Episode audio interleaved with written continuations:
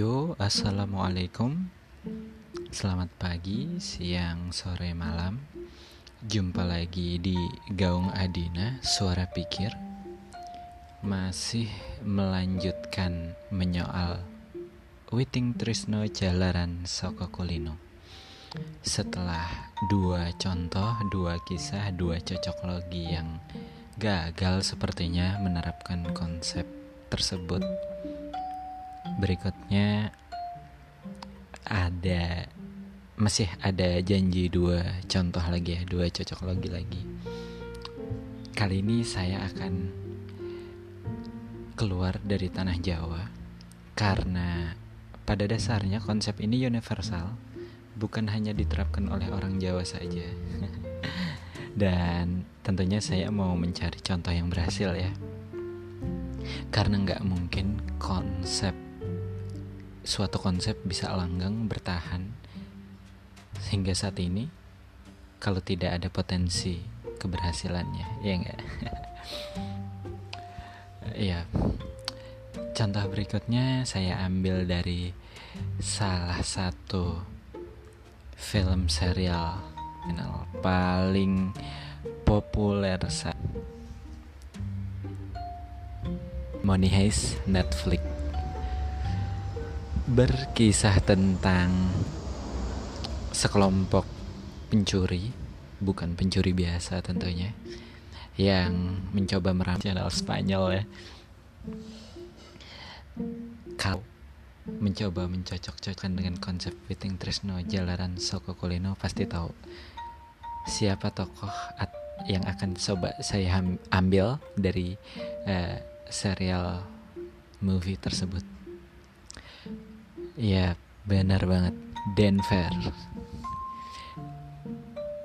Ada kisah menarik dari film perampokan ini di mana uh, adanya keterlibatan asmara antara pencuri perampok dengan sandranya. Di mana Denver si pencuri atau perampok tersebut yang menjalin kisah dengan Monica yang tidak lain adalah Sandra pegawai Bank Nasional Spanyol.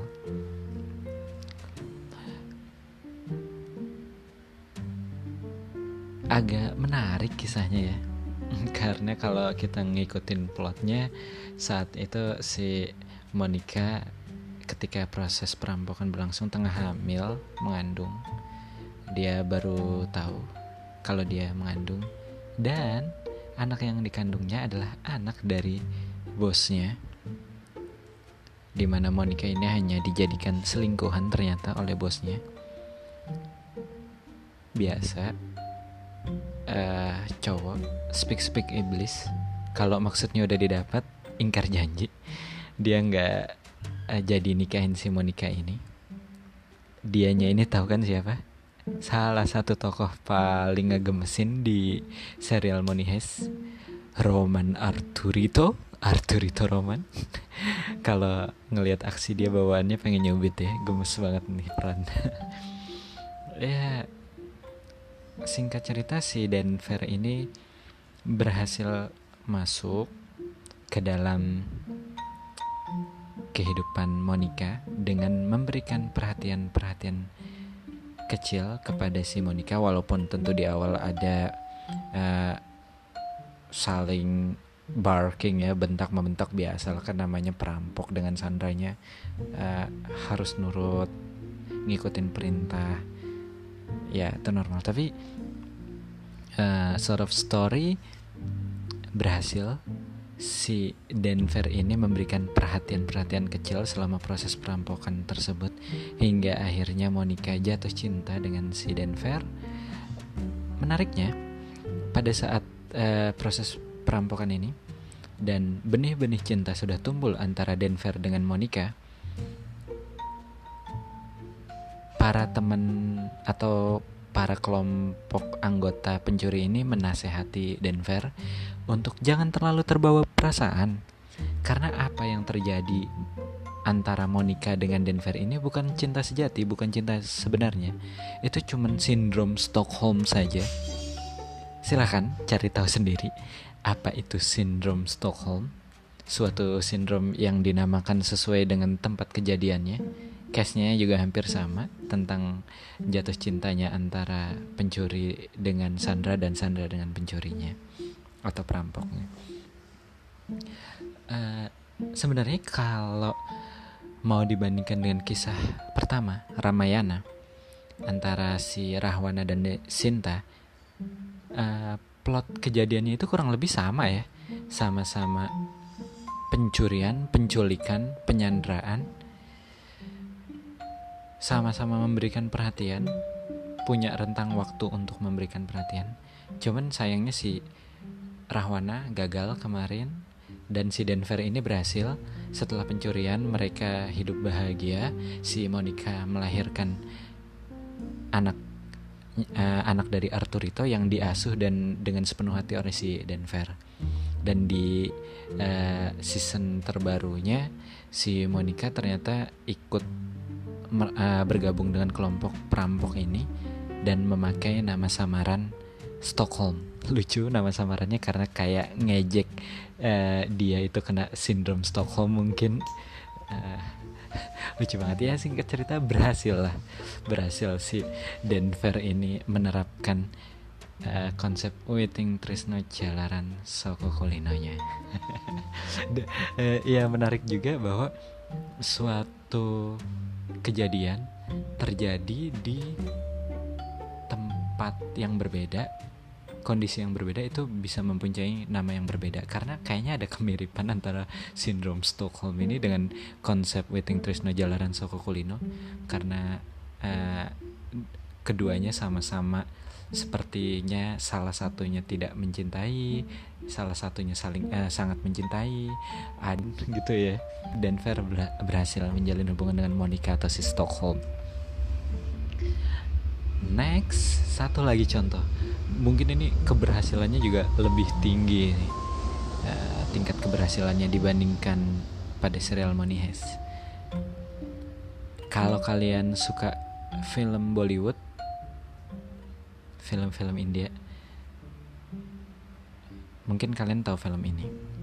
Uh, yap saya kebetulan suka nonton film Bollywood terutama film-film yang dimainkan uh, oleh the handsome Sarukan ya tokoh salah satu aktor paling berpengaruh di India. Ada satu filmnya yang berjudul uh, Bana di Jodi. Uh, filmnya kayaknya sih genrenya itu kayak komedi romance gitu lah diperankan oleh yep, si tampan Sarukan dan the beautiful ready Anushka Sharma. Sarukan berperan sebagai Surinder Sani, pegawai PLN Punjab, PNS mungkin atau pegawai BUMN kali ya, yang secara tampilan tuh cupu. Kalau pakai pakaian dimasukin, pakaiannya longgar, uh, rambutnya kelimis selalu pakai lengan panjang berkacamata dan ada kumis tipis cupu lah. Ta di sini digambarkan cupu. Lalu Anuska Sharma berperan sebagai Tania Tani. Gadis cantik energik dan suka menari energik ya. Di sini scene awalnya itu digambarkan bahwa uh, Sarukan itu mendatangi undangan pernikahan Tania Tani. Dia bukan rekan sebenarnya bukan rekannya Tania Tani tapi diundang oleh ayahnya Tania Tani yang tidak lain adalah dosen dari si Surindar Sani atau si Sarukan ini. Nah, si Suri ini diundang oleh ayahnya. Ada kejadian mengagetkan di uh, pesta pernikahan tersebut karena begitu akan berlangsung tiba-tiba dapat kabar bahwa rombongan mempelai pria sekaligus mempelai prianya juga uh, tertimpa kecelakaan dan meninggal semuanya. Akhirnya gagal pernikahan, shock si ayah dari Tania Tani ini terkena serangan jantung. Sebelum meninggal dia berperan eh, berpesan maaf, dia berpesan kepada si Suri agar mau menikahi anaknya dan berpesan kepada anaknya agar uh, mau menikah dengan Suri karena ayahnya hanya percaya kepada uh, si Suri yang tidak lain adalah murid favoritnya, murid teladan dia.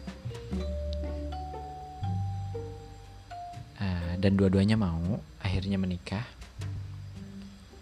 Kebetulan si Surinder Sani ini memang cinta pada pandangan pertama karena melihat si Tania Tani ini cantik, energik, jago nari pula. Uh, setelah menikah, akhirnya si Tania Tani diboyong ke rumahnya Surinder Sani yang lumayan megah, lumayan gede rumahnya. Uh, cuman di situ ada momen di mana si Tania Tani itu uh, bilang terima kasih karena sudah mau menikahinya dan mohon maaf sekaligus mohon maaf karena dia menikah tidak dengan atas dasar cinta menurut dia hati perasaan dan cintanya telah mati bersama dengan matinya calon mempelainya dia. Ya akhirnya mereka tinggal satu rumah cuman tidurnya beda kamar. Uh, tapi karena si Surinersani ini sudah jatuh cinta pada pandangan pertama akhirnya dia uh, berusaha gimana caranya ingin merebut perasaan rasa cinta membangkitkan kembali rasa cinta dan perasaan dari istrinya si Taniatan ini tentu dengan cara yang fair karena dia tadi tidurnya pun pisah kamar bukan hanya pisah ranjang tapi pisah kamar juga Nah, si Tania Tani ini suka nari, dia dapat brosur tari, akhirnya minta izin sebagai istri yang baik kepada Surinder Sani suaminya untuk ikut nari, diizinkan. Nah, di kesempatan itu si Surinder Sani akhirnya memantapkan diri untuk menyamar. Dia merubah ke kepribadiannya 180 derajat menjadi sosok yang pede, humoris, uh, dan belak-belakan dalam menyampaikan perasaannya. Singkat cerita cukup berhasil benih-benih cinta dan perasaan yang telah lama mati perasaan cinta yang telah lama mati dari Tania Tania ini bangkit tapi Tania juga sadar bahwa dia adalah uh, wanita yang telah menjadi suami orang. Akhirnya ada momen di mana si Surinder Sani yang menyamar menjadi sosok lain ini mengajak kawin lari lah kabur lah sama si Tania Tani ini. Cuman Tania menolak nggak bisa sampai akhirnya ketahuan lah terbongkar penyamaran dari Surinder Sani. Marah tentunya si Tania Tani ini. Dia kesal nangis ngungkapin uh, unek-uneknya kepada si Surinder Sani. Lalu ada momen di mana mereka saling diam-diaman. Kebetulan ada lomba di tempat kursus tari mereka dan kebetulan pula mereka jadi pasangan uh, dalam perlombaan tersebut, pasangan tari dalam perlombaan tersebut. Akhirnya ada momen di mereka mengunjungi rumah ibadah, momen merenung, momen flashback apa yang terjadi pada kehidupan mereka. Di akhir kisah, Tania Tani datang ke perlombaan tersebut uh, untuk memenuhi beban moralnya. Lalu si Surinder Sani atau Sarukan tadi juga datang juga untuk memenuhi beban moralnya. Tapi kali ini dia datang sebagai sosok Surinder Sani yang apa adanya, yang cupu.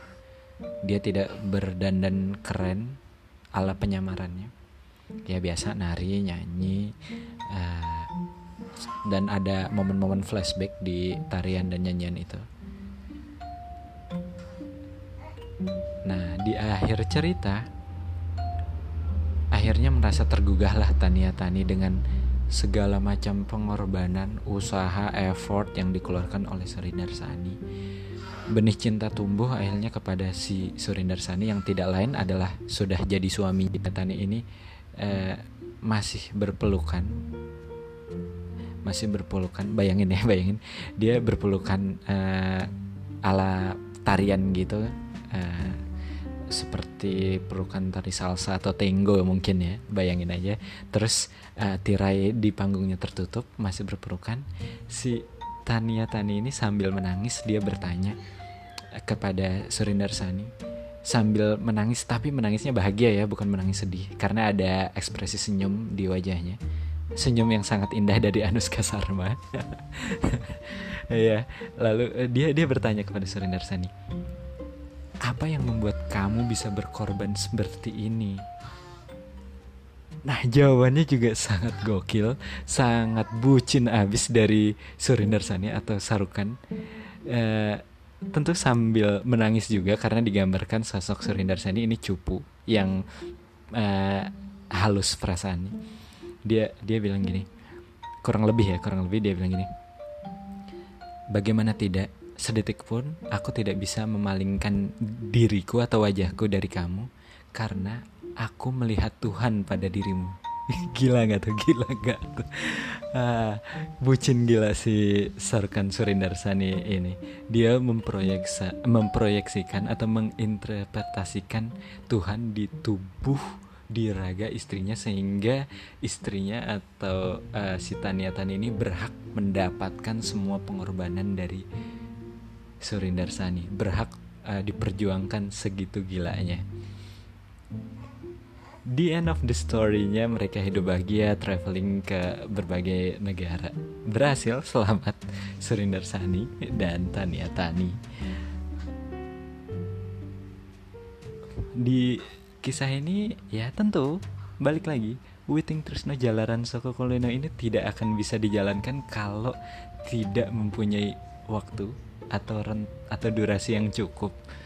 E, karena tentu saja saat saat kita ingin memperjuangkan atau kalian ya aja bukan kita kalian kali kalian ingin mem memperjuangkan seseorang yang kalian cintai tapi uh, dia tidak mencintai kalian tentu kalian akan uh, berkorban ya.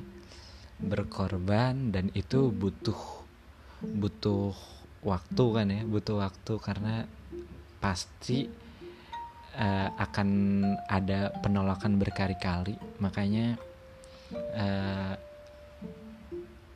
makanya durasi itu sangat penting waktu itu sangat penting dalam menerapkan konsep Witing Tesno Jalaran Sokokulino oke okay. cukup. Udah empat contoh. Dua gagal dua berhasil. Kira-kira masih ingin menerapkan konsep ini atau enggak? Silakan aja. Uh, biasanya para bucin-bucin sejati para pejuang cinta tentu pengennya berusaha dulu. Silakan silakan.